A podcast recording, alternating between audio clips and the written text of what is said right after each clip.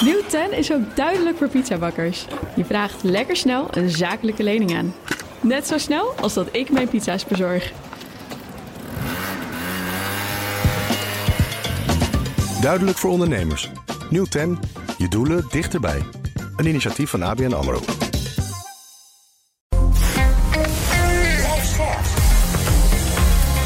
BNR Nieuwsradio. The Big Five. Paul van Liemt. Nederland moet de uitstoot van stikstof de komende jaren drastisch verminderen, maar dat zien veel boeren helemaal niet zitten. Na weken van sociale onrust en gesprekken over het stikstofprobleem kwam deze week onderhandelaar Johan Remkes eindelijk weer met zijn bevindingen.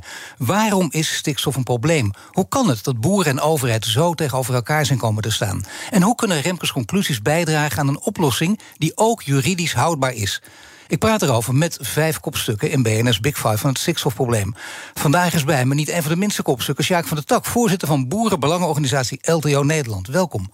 Goedemorgen. Ja, voordat ik het met u ga hebben over de, de reactie natuurlijk eh, van u als voorzitter van de, van de Boerenbelangenorganisatie LTO op het rapport Remkes, eerst twee dingen. Na het lang verwachte stikstofrapport Remkes is de belangrijke vraag voor u, denk ik: is er genoeg duidelijkheid aan boeren gegeven over wat ze moeten doen om die stikstofopgaves te halen? Ik denk het wel. En daarom hebben we ook een ledenuitvraag gedaan. Onder 30.000, meer dan 30.000 leden. Hebben wij gisteravond, na ons webinar, een ledenuitvraag Ook nog, gedaan. doe maar. Webinar. Uh, uh, uh, uiteraard. Ja. Soms zou het ook met BNR kunnen. Het zou ook nog een keer een mogelijkheid kunnen zijn. Ja, zeker. Een belangrijk element daarbij is dat we in die ledenuitvraag echt aan alle leden vragen op een flink aantal punten. Tien vragen hebben we ze gesteld. Over alle aanbevelingen die hier in het rapport zijn. Het zijn er 25. En dat is niet een vraag van ja of nee. Maar op een schaal van 1 tot 10, wat vind je de, van deze richting? Dus ik moet me als voorzitter, als verenigingsvoorzitter, even wat terughoudend opstellen. Natuurlijk heb ik een opvatting. Maar onze leden hebben nu de mogelijkheid invloed uit te oefenen op de belangen die wij voor hen in ieder geval aangaan. Prachtig, maar even dan het cijfer van Sjaak van der Tak op een schaal van 1 tot 10. Nou, ik ben eigenlijk niet alleen meer voorzichtig positief. Ik heb ook de heer Remkes uiteraard in zijn persconferentie gezien. En hij geeft eigenlijk twee dingen aan. Dit kabinetsbeleid met 25 aanbevelingen, 19 zijn aan het kabinet gericht. Ja, dan moet er toch wel de afgelopen tijd iets fout gegaan zijn.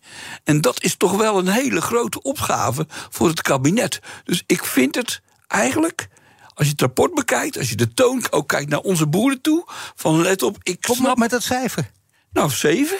Een 7. Oh, ik dacht, ik ga naar een 9, maar nou goed, een 7. Ten tweede, voorzitter LTO Nederland, 30.000 leden. U zegt het vol trot, dat zijn er veel. Het waren ooit 400.000. Hè. Dat, dat kon niet anders dat dat minder werd, maar daar gaan we wel over praten. U staat uh, veel boeren bij, veel verschillende boeren. Van de duurzame boeren tot Farmers Defence Force. Dus dat betekent, is een hele stevige klus ook om dat te doen. Kan LTO al deze boeren vertegenwoordigen? We hebben zelf natuurlijk 18 vakgroepen en sectoren. Even de glastuinbouw. Met onder andere de Robbaan. Maar ook, laten we zeggen, de melkveehouderij, grootste groep. Met Erwin Wunnekink.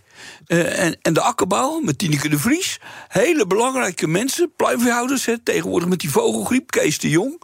Echt hele belangrijke mensen die wij proberen echt hun belangen... zoveel als mogelijk te grote belang te zien. Daarom zijn wij ook wel een gematigde organisatie. En dat, is, dat geeft natuurlijk precies de invalshoek weer. Maar gematigd, of wat je dan ook vaak hoort, het radicale midden. Want u bent natuurlijk ook een CDA en die hebben Ja. die term geïntroduceerd. Het radicale midden. Vindt u dat een mooi of vindt u gematigd beter? Nee, ik vind echt radicaal mooi. Ik ben namelijk toch wel als CDA ook wel onafhankelijk. Soms kan ik echt heel anders denken. Maar bent u nog steeds radicaal? U bent nog steeds jong, denk ik, maar toch ook eh, ja, op een gegeven moment eh, vanzelf word je wat ouder en dan nog steeds radicaal. Nou ja, ik zoek altijd wel de grens op. Van, ik, en ik ben altijd. Ik ben opgevoed met. Ooit de wijle minister Jan de Koning die zei altijd: je moet proberen de wereld 50%, 50 centimeter verder te brengen. En nou, dat is nog steeds mijn drive. Ik hoop dat dat, ik hem goed ARP'er, hè? Dat was zeker, maar dat was toch ook wel een radicale man in die tijd. Zeker. Nee, die partij natuurlijk ook, ja. Antiradicale Partij Nederland. Of de, ja, dat is anti- antirevolutionair, partij. maar, Maar wel, dat betekent- antirevolutionair, maar wel radicaal. Absoluut. Binnen CDA-verhoudingen zeker. Maar u zegt, ik, eh, grenzen, die zoek ik op. Dat gaan we in dit interview natuurlijk ook doen en proberen. Want een week voor het stikstofrapport van Remkes... zei u als LTO-voorzitter in Trouw... als 2030 blijft staan, dan komt het niet goed... tussen de boeren en het kabinet. Nou, nu kent u de inhoud van het rapport... en, en blijft u even pessimistisch? Of is die zeven inmiddels misschien nog meer waard? Nou, een belangrijk element eh, waar Remkes mee komt, en dat vind ik echt te waarderen. Hij heeft twee eikmomenten ingebouwd. De jaren 2025 en de jaren 2028. De achterdeur.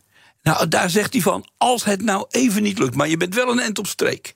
dan kan het toch ook wel een jaartje later zijn. Wat het mooie daarvan is, dat wij met onze... eigenlijk hele onze grote achterban die eigenlijk al jaren snakken naar duidelijkheid. dat komt eigenlijk al voort uit 2014, waar de pasmeldersregeling was met stikstofvraagstukken. Programmatische aanpak stikstof. En daarmee, uh, precies, en daarmee ook uiteindelijk leidt tot de melkquota die vrij worden gegeven. Ja, dan gaat iedereen meer melk produceren. Twee, krijg je dan de 2017 het fosfaatvraagstuk fosfaatvraagstuk. Dan moet de melkquota weer opeens omlaag. Volgens van andere prikkels, andere gegevens, andere lijnen die je worden aangegeven. Daar word je gek van, dat is duidelijk. Daar heeft Remkes ook heel duidelijk uh, oor voor gehad en heeft ook naar buiten gebracht. Maar ja, belangrijk is natuurlijk wel, als je boeren spreekt, wat vinden ze nu, wat denken ze nu? Want boeren zijn nog steeds verdeeld. Zijn ze bereid nog steeds en denken ze dat er actie moet komen? Nou, uh, ik denk dat boeren op zichzelf een echte steun voelen in de, met dit rapport. Remkes doet dat goed. Hè? Hij zegt zelfs in zijn rapport: je ziet de wanhoop in de ogen van redelijke mensen. Ja. En dat komt al eigenlijk vanaf die 2017 tot nu toe. Dat, dat is al vijf jaar. Moet je investeren in duurzaamheid. En als, het dan, als je daarin investeert, denk aan een, emissiestal, een emissiearme stalvloer. Of denk aan bijvoorbeeld voermaatregelen. En je wilt dat doen en dan wordt het bij de rechter drie jaar later weer onderuit gehaald. Dus die onzekerheid is enorm toegenomen. Dat heeft hij ook duidelijk aangegeven. Dat, dat, is iets om gek van te worden. Daar moet je wat tegen doen. Aan de andere kant, we staan voor grote opgaven. En uh, ja, je kunt een beetje schrikken als de voorzitter van LTO Nederland zegt... nou wel fijn 2030, misschien kan het toch wel iets later worden... door die twee ingebouwde momenten. Maar ja, uh, op een gegeven moment kan het niet later... want we zien dat we nu al door dat steeds voor uitschuiven... 28 miljard schade hebben opgelopen... heeft het uh, eh, FD deze week uitgerekend. Maar daarom vond ik het ook zo vreemd... dat uiteindelijk dat die al die maatregelen eigenlijk van de overheid zo lang duren. Een voorbeeld. Als je uiteindelijk je bedrijf wil stoppen. Dan had de overheid de mogelijkheid om een uitstekende stoppersregeling te maken. Vele boeren willen dat ook. Hè. zijn 58, 57, geen opvolger. 18.000 boeren van 52.677 die hebben geen opvolger. Als je dan een stoppersregeling maakt. Maar dan moet je niet tegelijkertijd bij de eerste stoppersregeling zeggen: er komt een tweede aan.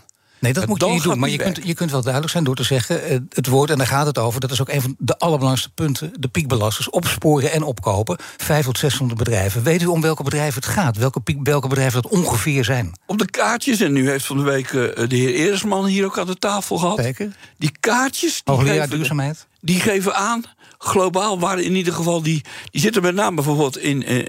Nou, laten we zeggen, in de, in de Gelderse Vallei rond de, de Veluwe. De peel en de tweede was uh, zeker de Peel. Dat is die intensieve veehouderij daar. Dat, dat is wel intensieve veehouderij. Maar veel van die intensieve bedrijven zijn eigenlijk al veel langer bezig om al die emissies te reduceren. Ik ken daar een, uh, ik, een varkensboer die ook van de, van de week op de televisie was. En weet u, die maakt van de uitstoot biogas. Dus dat zijn vraagstukken die al leiden tot verduurzaming. Die kant willen wij ja, natuurlijk. Ook. Nee, dat begrijp ik. Maar laten we het verhaal niet lastiger maken dan het is. We weten ongeveer om welke boer het gaat. We weten dat het ook om 1% gaat. En als die 1% als die meegaat, als die, als die zich laten uitkopen, dan betekent het dat er, dat er heel veel lucht komt. En dat het land weer van het slot kan. Dat kun je bijna zeggen. Dus ja, dat kost even uh, pijn en moeite. Maar als je ze heel goed beloont, misschien minder dan je denkt. Is dat dan niet ook de oplossing? Echt letterlijk het ei van Columbus in dit geval? Nou, piekbelasters zijn heel belangrijk in dit verband om uh, tot een oplossing te komen. Wat Remkes erbij zegt, dat moet eigenlijk in één jaar. Kijk, wij denken bij jezelf, want je kunt ook nog niet alleen opkopen, maar je kunt ook het bedrijf iets voorleggen als een soort keuzemenu. He, je kunt ook die stikstofemissie die je nu hebt reduceren, dus naar beneden brengen.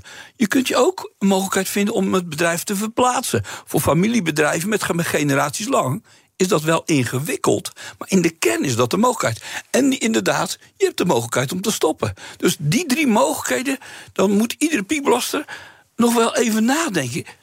En hij moet zich de vraag stellen: ben ik wel een piekbelaster? Daar ja, zit het maar, ingewikkeld nee, dat, nee, dat weet ik. Maar dan ga je daar weer een rapport schrijven... en dan moeten er weer dat nieuwe definities worden bedacht. Dat moeten we niet hebben. En het moet ook wel binnen een jaar. Want als je, wat ik al zeg, de schade loopt enorm op. Er moet ondertussen ook nog gebouwd worden, waar we over gaan praten. Er liggen nog heel veel dingen die, ge- die geregeld moeten worden. En dan zou hier toch, wat ik zei, het ei van Columbus gevonden Ja, worden. dat Zullen is we niet te moeilijk over doen en zeggen hier wel vaart maken? Nou, ik, ik, ik vind u er niet te moeilijk over doen. Dan eh, zegt Remkes ook, je moet dat eigenlijk wel ook met die boer doen. Dus je moet even Als je goed naar hem, dat heeft hij gedaan. En hij zegt, en nu moet je gewoon- en hier moet dus- je Dus doorpakken. moet je ook, maar- ja, maar in dit soort trajecten. Dit een kan bedrijf niet langzamer. stoppen, Tempo. Een bedrijf, een bedrijf eh, in ieder geval op dat vraagstuk laten verplaatsen.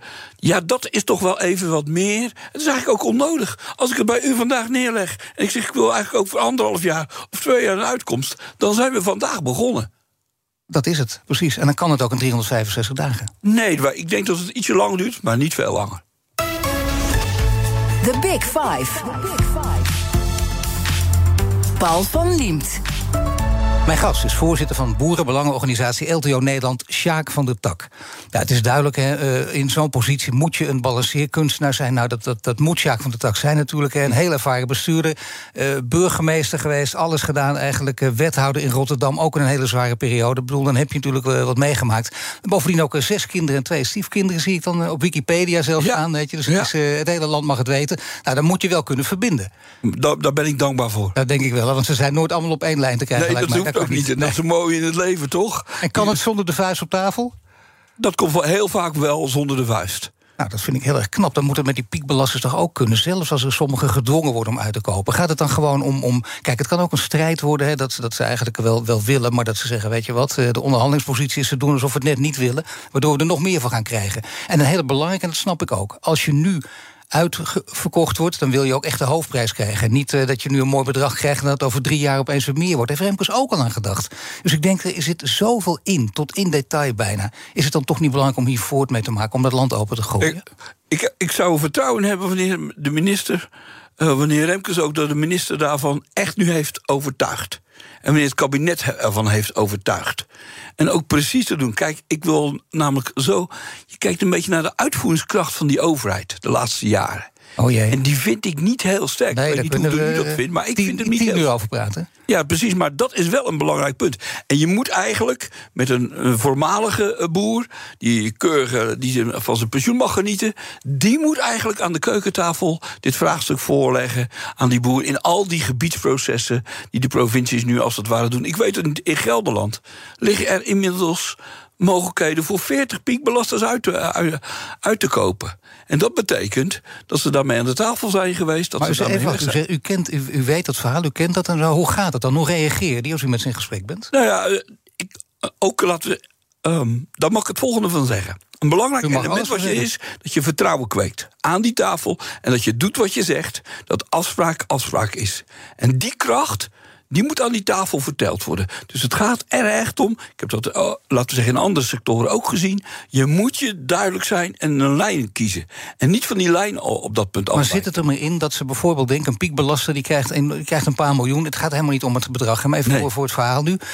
En dat hij zegt, ik wil zeker weten dat er over drie jaar niet wordt gezegd... oh, maar ik, ik zie opeens iemand anders, ik had me beter nu kunnen laten uitverkopen... Ja, maar dat ik vijf gaat miljoen voor krijgen, dat dat hard vast ligt. Hoe dan ook. Hier gaat het om. Je moet echt consistent en betrouwbaar durven Wat kan het LTO? Wat kunt u voor ze doen? Wij, wij gaan absoluut, omdat wij zitten in het hele land. Met eh, in ieder geval heel veel mensen die ook in besturen zitten. En die van de hoed en de rand weten. Die tot de kern van het familiebedrijf kunnen doordringen. Wij gaan echt met ze in tafel, aan tafel. om ze eigenlijk dat duwtje te geven. En zij weten ook dat het tempo geboden is. En dat het niet is om ze in de nek te hijgen. maar omdat je niet nog veel meer schade kan oplopen. 28 miljard is enorm. We weten allemaal, als het nog meer gaat worden. dan wordt dat bedrag ook groter. Daar hebben we allemaal last van. U zegt steeds, je hebt iets meer tijd nodig. Maar dat klinkt toch steeds weer als vooruitschuiven. Nee, Wat ik is ben dat- niet van is- Is iets vooruitschuiven. meer tijd een paar maanden? Of is het nog een jaar erbij? Nee, ik ben, ik, ben, eh, ik ben niet van vooruitschuiven. Dus niet jaren erbij. Ik ben voor, die boer die moet nu in die onzekere tijd... die die al acht jaar heeft... die moet nu de mogelijkheid krijgen om echt de keus te maken. Binnen la- twee jaar, dan zijn we er.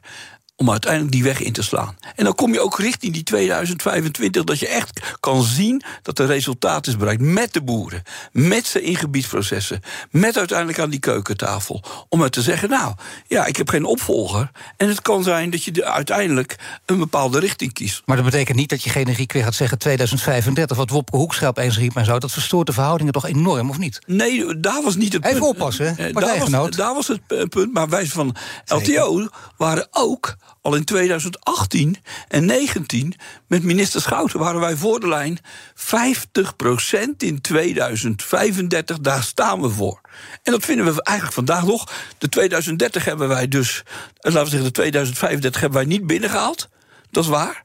Maar de 2035 was voor ons wel een hele mooie begaanbare lijn. Nu is het 2030. Met Johan Remkes zeggen we akkoord. Die 2025, 2028 zijn de belangrijkste wettelijk vastgelegde eikmomenten om ervoor te zorgen, als we al ver zijn in die gebieden, als we eigenlijk het vraagstuk van de piekbelasters hebben gedaan, dat we dan ook in die transitiefase komen om ervoor te zorgen dat we nog met elkaar aan een verdienmodel werken ten behoeve ook van de verduurzaming, want geen En boer iedereen, spelen hier een rol natuurlijk. En de bouw, daar gaan we allemaal over praten. De uitvoering daar heeft u voorkomen gelijk in. Dat is een hele belangrijke, daar gaan we het over hebben. Maar vertrouwen is de allerbelangrijkste. Vertrouwen van boeren in de boerenbelangenorganisaties is laag. Het rapport cijfer 5,6. Daar was wat verwarring over. Het AD pakte heel groot mee uit. LTO krijgt een 5,6 van de boeren. Dat is niet LTO, maar alle belangenorganisaties. Ja, precies. En dat, eh, vaak is dat. Ik heb wel eens toen ik aantrad. Toen heb ik een, eh, ook zo'n cijfer gezien. Dat was onder de vier. Zo. Dus we, we beginnen te stijgen. Ja, nee, dat is waar. zeggen? Maar goed, als je, als je zo'n verkeerd cijfer, dat gaat wel hangen. En dat, dat lees je ook. Dat neem je dan eh, voor Nee. waar aan. Omdat bijna alles wat in die krant staat normaal gesproken waar is. Maar soms een keertje niet. Wat doet u dan? Eh belt u dan boos op en zegt u tegen de hoofdredacteur... dat kan echt niet, eh, kijk eens aan. Wat, wat Ik heb in ieder geval gevraagd om een interview op dat punt. Om dat ve- verder uit te leggen. Twee, ik ben toch van dicht op het boerenerf. Dat interview heb- krijgt u ook. Wat zegt u? Dat interview krijgt u ook. Ik eh, ga dat nog meemaken. Ja. Dus we, de andere kant is, je moet dicht bij boeren zijn. Ik heb 294 werkbezoeken afgelegd. Op boerenerven. Aan de keukentafel. Dus ik weet inmiddels echt wel wat er speelt. Maar goed, soms wil een boer natuurlijk ook meer snelheid. Hè. De- dat zit op het vraagstuk. Acht jaar al geen vertrouwen in de overheid. 25 aanbevelingen, waarvan 19 richting, de, richting dit kabinet. En eh, het kabinet krijgt een 2,2. Maar Remkes heeft ook kei, zeker. Remkes heeft ook keiharde taal geuit. Hè. Dat, is, dat is heel mooi. Dat wordt vaak omvloers gedaan. Nou, het, het zou ook een beetje uw stijl zijn. En wel de grenzen opzoeken, dat gewoon durven doen. Als doorgewinterde bestuurder moet je dat ook. Anders is dat echt weer met meel in de mond praten. Dat slaat ook nergens op. Maar we moeten ook het LTO kunnen vertrouwen. En de eigen leden willen dat ook. En dan denk je, ja, wacht even. Andere cijfers. Ik noemde al 400.000 na de Tweede Wereldoorlog. En nu zit je op 30.000. Dan ben je opeens heel klein geworden. Nee, maar let op, het aantal boeren als zodanig, ook, u heeft gelijk. Het aantal boeren is natuurlijk eh, ook in die jaren enorm geslinkt, hè? Geslonken. Nee, maar laten we zeggen, was eh, even percentages op- 95% maar was lid, mag, hè, toen. mag ik toch een, een voorbeeld geven? Vooruit dan. 2000. Nog 90.000 bedrijven in 2000. We zitten vandaag op 52.627. En ja, we hebben eh, 30.676 leden.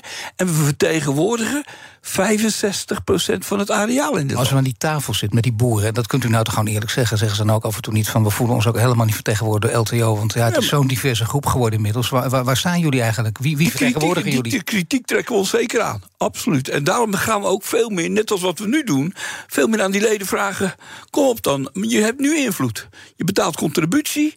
Wij eh, staan voor je belangen. Maar je mag nu ook meedoen om ons de juiste ko- We koers hadden te gisteren bepalen. boer in de uitzending, boerin Helene Lansing van Melktapperij. En ze is columnist bij Vee en die durft ook de grens op te zoeken. En die zei tegen ons: Nederlandse boeren moeten juist nu op zoek naar gemeenschappelijkheid. Zo is Daar het. heb je natuurlijk ook LTO voor nodig. Maar ja, dat is, is dat niet de allermoeilijkste klus die er nu is met Ja. Farmers Defence Force? Hoe doet u dat? Nou ja, we hebben, eh, we hebben agractie in dit verband. We Ja. hebben caring farmers helemaal aan de andere kant. En ik heb de afgelopen acht weken, daarom heb ik ook van Remkes een, een complimentje mogen hebben. Nou, Ja, ben ik uit op complimentjes. Nou. Maar het belangrijkste element is dat we met alle organisaties, met zelfs trekkergroepen erbij, acht weken lang ook met Remkes om de tafel hebben gezeten. eh, vier uur lang met het kabinet gesproken. Niemand is weggelopen. En uiteindelijk hebben we nu wat laten zien dat het wel mogelijk is om elkaar te vertrouwen op de hoofdlijn, zodat er meer met één mond wordt gesproken. Nou ja, dat, klinkt, dat, dat klinkt al inderdaad anders dan een paar weken geleden. Want eh, mijn gasten stellen elkaar vragen via de kettingvraag. En de vraag het ook een beetje hierover. Want in de vorige aflevering was hier, zoals gezegd, melkveehouder en boerin Helene Lansink. En die had deze vraag voor u. Wat is nou zijn gevoel echt blijven hangen zeg maar, na deze week... Waarvan hij, zit- waarvan hij maandag echt met goede moed weer aan de slag gaat... omdat hij weet dat hij bezig gaat met de grote opgaves? Ja, welke gevoelens blijven hangen? Hè? Wat is het, eh, het goede gevoel, het goede gemoed? Om, omdat je aan de slag gaat met de grote opgave. Eén, er is duidelijkheid geboden door Remkes. Dat is waar uiteindelijk. En twee, dat kom- het komt er nu op aan dat 14 oktober, volgende week vrijdag, een cruciale datum, het kabinet kiest. Alleen niet, niet alleen in woord, maar ook in daden.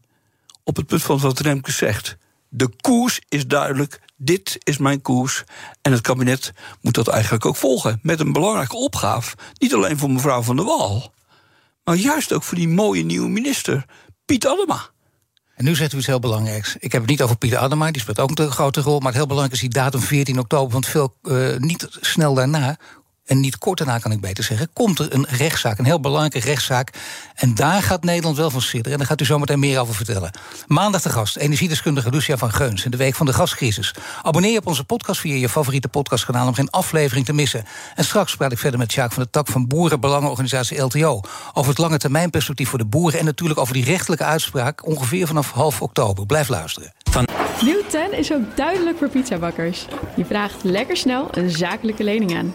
Net zo snel als dat ik mijn pizza's bezorg. Duidelijk voor ondernemers. Nieuw 10. Je doelen dichterbij. Een initiatief van ABN AMRO. Hoi, ik ben Rens de Jong en ik presenteer Werkverkenners, de podcast over werk. Of het nou gaat over de impact van technologie op jouw baan, over de kunst van het thuiswerken of over de nieuwste trends in leiderschap, wij hebben het allemaal. Luister iedere dinsdag om 3 uur naar BNR of wanneer maar wil op je favoriete podcastplatform. Werkverkenners wordt mede mogelijk gemaakt door Prescan. Prescan. Ga voor je gezondheid.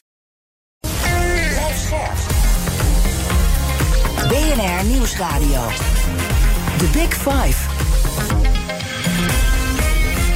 Paul van Liemt. Welkom bij het tweede half uur. Deze week vijf kopstukken uit de wereld van de stikstof. Eerder deze week sprak ik met Henk Bleken, voormalig staatssecretaris van Economische Zaken, Landbouw en Innovatie in het kabinet Rutte 1. Allemaal over zijn rol bij het stikstofprobleem. Terug te luisteren via de BNR-app. De gast is Sjaak van der Tak, voorzitter van de belangenorganisatie LTO. Komend half uur wil ik in ieder geval nog twee onderwerpen met u bespreken. Heeft u vertrouwen in de uitvoer van de stikstofplannen door de overheid? Nou, daar heeft u zich al een beetje over uitgelaten. Dat zal heel moeilijk worden. En wat is het lange termijnperspectief voor boeren volgens LTO? En om met het laatste te beginnen. Ja, lange termijn begint natuurlijk met een uitspraak eh, die op korte termijn wordt gedaan. En die een grote invloed gaat hebben op de lange termijn. Dus een uitspraak, laten we zeggen, die wordt door de rechter gedaan rond half oktober, eh, begin november. En die heeft alles ook te maken met bouwen. Ondertussen moeten er ook 900.000 woningen gebouwd worden. Wat is het belang van deze rechtszaak? Zou die, die, waar, waar Remkes al een beetje op, op hinten? Ja, die is wat mij betreft meer dan 90% Daar zit mijn grote zorg. Meer dan 90% heb ik daar zorgen over. Over die rechtszaak. Over die rechtszaak. Precies, schets de achtergrond. Een belangrijk element is dat je in de wet een, een bouwvrijstelling kunt krijgen. Dus de huidige stikstofwet biedt de mogelijkheid van een bouwvrijstelling. Bouwvrijstelling betekent dat woningen gebouwd kunnen worden, wegen worden aangelegd, dat er ook bou- vergunningen kunnen worden verleend om uiteindelijk bijvoorbeeld bedrijven of te innoveren of wat uit te breiden. Die bouwvrijstelling, op basis van een zaak van Portos, dat is uit de Rotterdamse haven, die in ieder geval eh, stikstof produceert, daar, heeft, ja, daar is bezwaar tegen aangetekend bij de hoogste rechter. En ik vrees met grote vrees. Als dat onderuit gaat, gaan alle bouwuitbreidingen in dit land. En de huizenbouw en de infrastructuur, maar ook de bouw in de landbouw. En ook, laten we zeggen, in uw achtertuin, veronderstel dat u wat eh, een huis bij wil bouwen of een stuk aan een huis. Dan komt het allemaal stil te liggen. En dat heb je niet in één dag gerepareerd. Dan is het in essentie in mijn beleving de enige way out. En of dat nu een zware uitspraak is of een lichte uitspraak van de rechter, dat gaat enorme consequenties hebben. Dus ik heb daar met grote, ik kijk daar met grote, grote zor- zorg naar. Ja, het is goed dat u dit even duidelijk maakt. Want uh, tot nu toe is het tamelijk onderbelicht gebleven. Uh, dat is een uh, zaak aangespannen door MOB, een van de milieuorganisaties.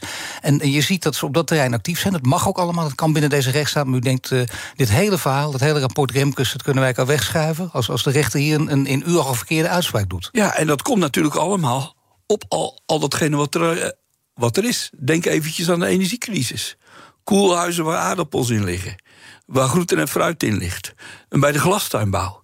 En uh, waar de energieprijs enorm hoog is. En waar je ook al de eerste vermeerderings, de een van de grootste plantides, die, die, die zegt van ik stop ermee. Ik maar dan kan krijg het je niet meer toch dragen. weer de twee clubs tegenover elkaar te staan. De ondernemers en de milieuclubs, om het even makkelijk te maken. En dan heb je kans dat hier ook weer, als dit een uitspraak wordt die, die niet goed is, eh, bijvoorbeeld in uw ogen, dat, dat boeren uh, weer de straat op gaan. En ik denk dat er dan meer vraagstukken aan de orde zijn. En ik zeg tegen het kabinet nu al: bereid je erop voor. Nou ja, ze zijn gewaarschuwd nu door Sjaak van der Tak, maar ook al door Remkes, die daarop hinten. Waarom is Remkes, Remkes daar niet stevig in geweest? Nee, Remkes is daar in mijn beleving stevig in geweest. Maar het belangrijkste element is dat hij zegt: ja, ik weet niet of die uitspraak zwaar of licht wordt. En ik vrees met grote vervelend voor echt een enorme impact voor het hele bedrijfsleven in Nederland dat dat stil komt te liggen. Nou, dat is, nogal een, dat is inderdaad nogal een uitspraak. Daar moeten we echt naar uitkijken. We weten niet precies wanneer, maar die periode, dus de laatste twee weken van oktober, daar zijn alle ogen op gericht. Daar zijn alle ogen op gericht. Naast het feit dat 14 oktober Remkes wordt uh, behandeld in de ministerraad. En ik hoop en ik wens en ik sta ervoor dat we uiteindelijk doen wat Remkes zegt. En echt met daden bij het woord komen. Nou, speelt dit allemaal een rol als we gaan kijken naar het lange termijn? Hè? De focus ligt hierop, ligt op de piekbelasters. Maar wat gebeurt er na dat jaar? Als er stel een aantal piekbelasters is gestopt. Misschien over anderhalf jaar of heeft zich omgevormd. Maar wat is dan het lange termijn perspectief voor de boeren die overblijven? Nou, het belangrijkste element is: we hebben momenteel nog 3000 mensen die eigenlijk te goede trouw de pasmelders hebben. Programmatie aanpak stikstof. Die hadden een melding gedaan aan de overheid. Die wilden aan, dat programma meedoen. En die zijn al vanaf 29 mei 2019 in onzekerheid. Omdat eigenlijk het vloerkleed onder een bedrijf is uitgetrokken. Die willen gewoon gelegaliseerd worden. Precies. Dus dat is een heel groot belang. 3000 zijn dat er wat ons betreft. Dat gaat overigens niet alleen over de pasmelders bij boeren, maar ook in de bouw. En daarom is het echt van belang dat die mensen nu eens recht gedaan wordt. Recht gedaan wordt om ervoor te zorgen dat ze weer gewoon legaal hun bedrijf met een vergunning uiteindelijk verder kunnen leiden. En dan kun je echt kijken naar die, naar die serieuze lange termijn. En de lange termijn is niet alleen maar voor uitkijken, maar dat betekent vandaag beginnen. Werken aan die lange termijn. Zo dus moet je wel weten wat het is. En dat is dan duurzaam boeren, misschien wel biologisch boeren. Hoe ziet u die termijn? Waar moet je de komende twintig jaar op richten? Ik denk dat we in een transitie gaan. Er waar sprake is van dat verduurzaming van je bedrijf, zodat je er ook zelf als boer op kan sturen. Dat kan met een, met een vorm van een klimaat, maar Remkes noemt dat een stoffenbalans, zodat je zelf kan sturen op je emissie. En daar ligt een enorm belang om die verduurzaming op je bedrijf te samen te doen met een gebied waarin je zit. Een gebied, hè, wat Remkes ook duidt, als het vitale platteland. Dat dat wat staat tegenover de stad en het platteland. Dus we moeten met elkaar er ook voor zorgen dat er een platteland naast je boerenbedrijf ontstaat, waardoor je weer kan ondernemen. Kan verduurzamen. Door innovaties. Maar ik had het ook over biologisch boeren. Gaat dat te veel of niet? Nee, juist niet. Want wij hebben uh, met een goede samenwerking met Biohuis. Maar hoe reageren boeren die u kent? Want we kennen allemaal de boeren die ook zeggen, vooral off the record ook nog wel eens een keertje, houd toch op met het hele stikstofverhaal. Nog steeds. Ja, dat, dat is de andere kant. Hè? En scheid toch uit met die duurzaamheid. Kom op, Sjaak. We maar, kennen je beter. Maar de andere kant is ook, en ik, ik zie dat, hè, boeren kunnen dat zeker zeggen, maar ik zie ook heel veel boeren die dat eigenlijk in het verleden zeiden, of nog maar een jaar geleden, die nu wel een biologische boer zijn omdat ze toch denken, dit is ook de richting waar we toe gaan. En dat past ook wel in het hele beleid. Moet een beetje uit hun identiteit, want het hoort een beetje ja. toch ook bij het stoere imago om daarop af te geven. Langzamerhand merk je van, nou, nou, het is geen flauwekul, het is serieus. En we hebben er zelf ook baat bij. We kunnen er ook uh, letterlijk goed mee boeren, dat wil zeggen ondernemers zijn die veel verdient. Nou ja, daar gaat het dan natuurlijk om. Dus niet alleen uh, ervoor zorgen dat je bedrijf door middel van brede innovaties kan voortzetten. Of dat je in ieder geval ervoor zorgt dat je met het gebied aan de slag krijgt. Natuur, inclusieve landbouw noem ik dat. En tegelijkertijd dat je met biologisch boeren ook wel een verdienmodel krijgt. Waardoor je eigenlijk niet alleen dat, je, dat het loont om te verduurzamen. Daar gaat het in. Maar boeren zeggen natuurlijk ook uh, geen woorden maar daden. U komt ook uit uh, die wereld natuurlijk. Ja. Alles is bij u gewoon geen woorden maar daden volgens mij. Dat gaat zelfs tot in de sport door. Ik meen zelfs dat u fan bent voor Feyenoord. Ik ben geweldig fan van Feyenoord. En ik ook vind nog. dat we een geweldige trainer hebben. Nou, precies. Nou moet ik ook dat nog. Ja. Misschien een trainer hoor ik al die naar Ajax moet, maar dat is voor een ander programma. Ja. Maar nu, dat, moet ik we niet zeggen doen. voor nee, dat kan niet. Maar eh, die mensen zeggen ook, geen woorden maar daden, zeggen ook altijd: kijk naar de praktijk. Wat is belangrijk? Zijn hier voorbeelden van? Want anders blijft het bij woorden. En er zijn inderdaad voorbeelden van. We hadden, eh, u noemde hem al, Jan-Willem Eresman, hoogleraar duurzaamheid in, in Leiden. En die zegt op Schiermonnikoog eh, is het mij gelukt met een groep boeren om succesvol duurzaam te boeren. Kent u dat project? Ja, dat ken ik zeker. Nou, is, is dat een Dat is voorbeeldproject een, of niet? dat is een voorbeeld, maar eh, ook Jan-Willem Eresman heeft natuurlijk wel Schiermonnik genomen en niet de peel. Zeker. Dat is toch wel een verandering. En het is maar één ding mogelijk. Dit soort vraagstukken, dit soort grote vraagstukken... wanneer verduurzaming moet lonen... wanneer je aan de andere kant ziet dat ze het bedrijf... vanuit die brede innovatie kunnen veranderen... dan moet je wel niet alleen durven ondernemen... maar dan moet je ook de kans ge- bieden om aan boeren dat te, te doen. En dat moet je met ze doen, dat kan niet zonder. En daar ligt de opgave op 14 oktober in de ministerraad... kiezen we die weg. En als ze dat niet doen, dan voorspel ik ook dan heeft opnieuw het kabinet een enorme kans gemist. Hè? En dan staat het land We weer vol met al reactors. Acht jaar eigenlijk bezig. En eigenlijk de afgelopen zes maanden heeft het kabinet de verkeerde keuzes En maar gemaakt. ik denk dat ze dat niet snappen. Als daar weer een, een andere uitkomst uitkomt, dan staat het land weer vol met tractoren. Ik zou dat niet willen voor onze boeren. Ik zou willen dat dit kabinet nu de daad bij het woord voegt. Ervoor zorgt dat we echt met boeren dit vraagstuk echt qua stikstof reduceren. Uiteraard in die periode naar, naar 2030 toe. Die hebben we nu wat geaccepteerd. Hoewel we eigenlijk al liever 2035 hadden. Van 50% maar met de boeren in gebiedgerichte processen. En niet alleen met de boeren en met de overheid, want die heeft een natuurlijk een heel belangrijke rol, maar natuurlijk ook de banken, de supermarkten. Daar gaat het om. Hè. Dat is de ene kant. Hè. Wij hebben zelf een plan neergelegd als duurzaam evenwicht. Hè. Met VNO-NCW, met MKB, met twee natuurorganisaties... Natuur en Milieu en Natuurmonumenten... en ook met Bouwend Nederland... waar we eigenlijk een jaar geleden al de richting hadden gewezen. Die kant altijd opgemoeten. En we willen natuurlijk in het kader van het verdienvermogen... hebben we zelf een project... Waardecreatie in ketens. Want in die hele keten van toeleveranciers... Dat klinkt niet lekker, waardecreatie in ketens. dat betekent 15% daar kan verdiend worden richting boer, maar ook richting nog de leverancier. Als je dat veel slimmer aanpakt. Dus, eh, Maar kan, de- kan het allemaal in het kader van, van laten we zeggen, het, het grote eh, algemene containerbegrip kringlooplandbouw? Passen daar allemaal in? Of Ja. zegt u nee, dat is niet waar, dat moeten we niet doen, want daar kun je nooit zoveel mee verdienen? ik ben een voorstander van kringlooplandbouw. Ik zie dat ook veel boeren daar medewerking verlenen. Nou is de subsidie daar weer wat op stopgezet. Dan denk ik bij mezelf, ja. Dat is, moet je nou juist niet doen. Je moet je eens even de vijf jaar de tijd geven om dat te laten Maar ontwikkelen. hier speelde zijn toch die geweldige afkorting, die KPI's, hè, die kritieke prestatieindicatoren.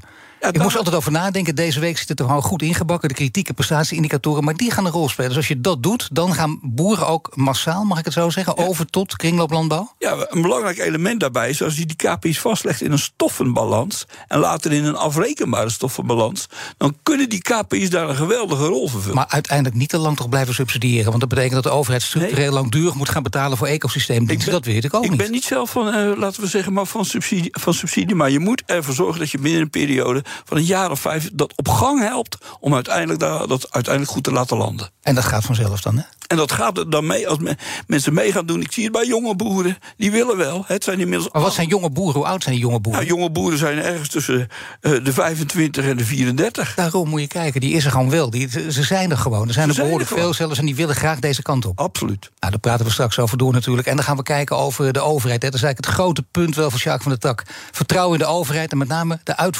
Krijgen die het Juist. voor elkaar? Nieuw 10 is ook duidelijk voor pizzabakkers. Je vraagt lekker snel een zakelijke lening aan. Net zo snel als dat ik mijn pizza's bezorg. Duidelijk voor ondernemers. Nieuw 10. Je doelen dichterbij. Een initiatief van ABN AMRO. Hoi, ik ben Rens de Jong en ik presenteer Werkverkenners, de podcast over werk. Of het nou gaat over de impact van technologie op jouw baan, over de kunst van het thuiswerken of over de nieuwste trends in leiderschap, wij hebben het allemaal. Luister iedere dinsdag om 3 uur naar BNR of wanneer maar wil op je favoriete podcastplatform. Werkverkenners wordt mede mogelijk gemaakt door Prescan. Prescan. Ga voor je gezondheid. BNR Nieuwsradio. The Big Five. Paul van Liemt. Je luistert naar BNS Big Five van het stikstofprobleem. Maandag was hier Jan-Willem Eresman, hoogleraar Milieu en Duurzaamheid aan de Universiteit Leiden. Volgens hem moeten de boeren veel meer geholpen worden met de omslag naar duurzame landbouw. Allemaal terug te luisteren via bnr.nl. Mijn gast is Sjaak van der Tak, voorzitter van LTO Nederland. Ja, het stikstofdossier is een enorm hoofdpijndossier geworden in Nederland. En daar kun je echt een hele lange constructie over maken, maar in een paar kernwoorden. Hoe komt dat? Waarom is het ook echt zo'n koppijndossier geworden? Ja, omdat er acht jaar lang de, overheid op dat punt boeren geen duidelijkheid heeft geboden. Acht jaar lang.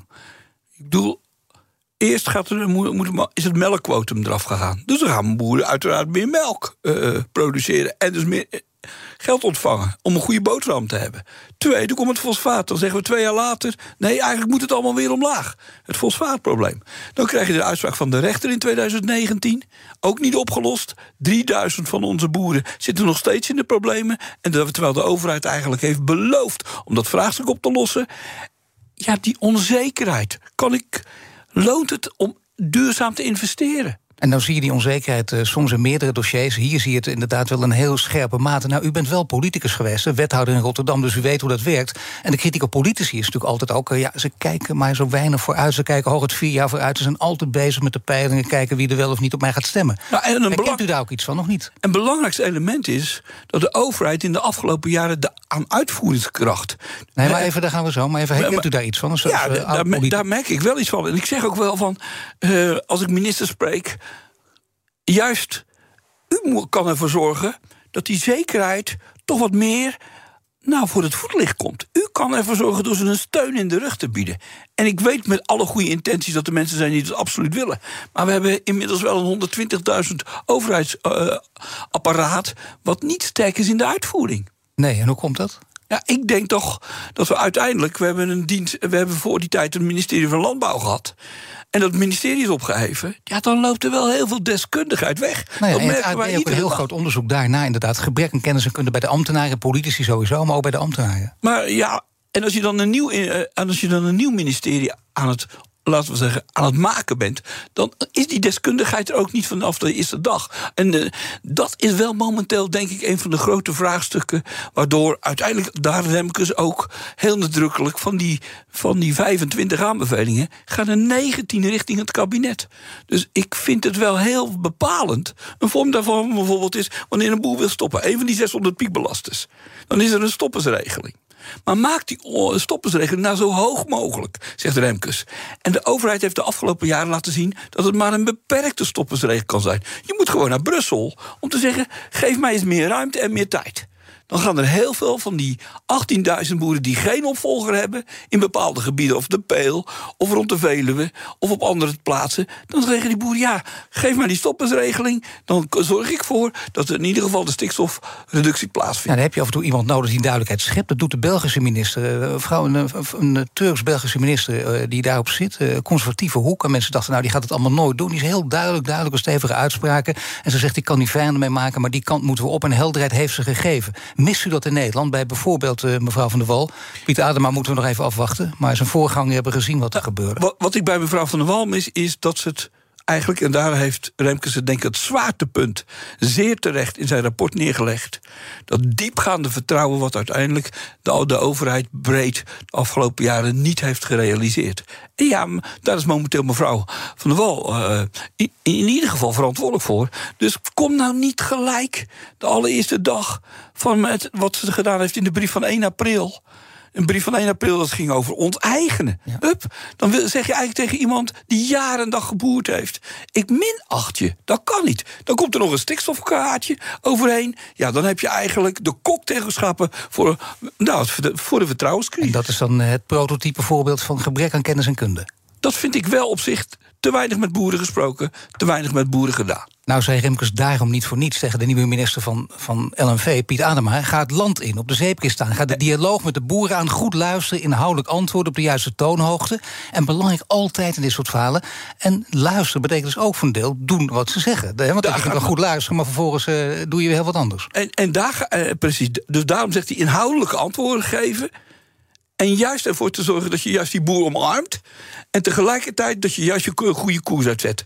De daad bij het woord voegen. Nou kent Sjaak van der Tak volgens mij bijna iedereen in Nederland. Dus die kent ook Piet Adema. Die ken ik zeker. Ja, en, en eh, wat voor man is dat? Dat is een hele bijzondere man. Hij was ooit uh, uh, voorzitter van de Vereniging van Bouwers. Uh, en niet zo lang geleden. En toen was er in de Kamer een geschil tussen. Ja, zei Jesse Klaver. Van tussen koe. Laat, leg mensen de vraag maar voor of ze koeien willen of dat ze woningen willen. En toen hebben we samen een artikel geschreven dat het echt een karikatuur is van een vraag die je moet voorleggen in dit land.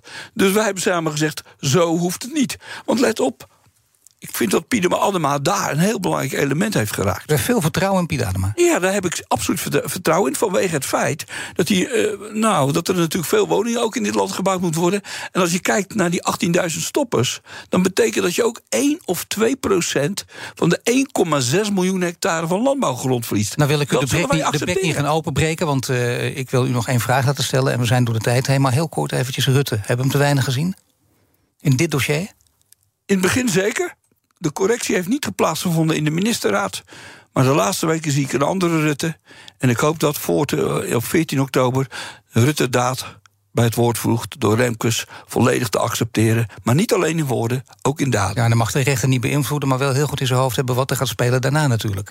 Mijn gasten die stellen elkaar vragen via de kettingvraag. En uh, u mag een korte bondige vraag stellen aan de gast van maandag. Dat is energiedeskundige Lucia van Geuns. Die zit dan in de week van de gascrisis met Diana Matroos. Wat zou u haar willen vragen? Ja, een belangrijk element daarin is dat we hoe gaan we om met die betaalbare en beschikbare energie in het kader van de voedselvoorziening in dit land.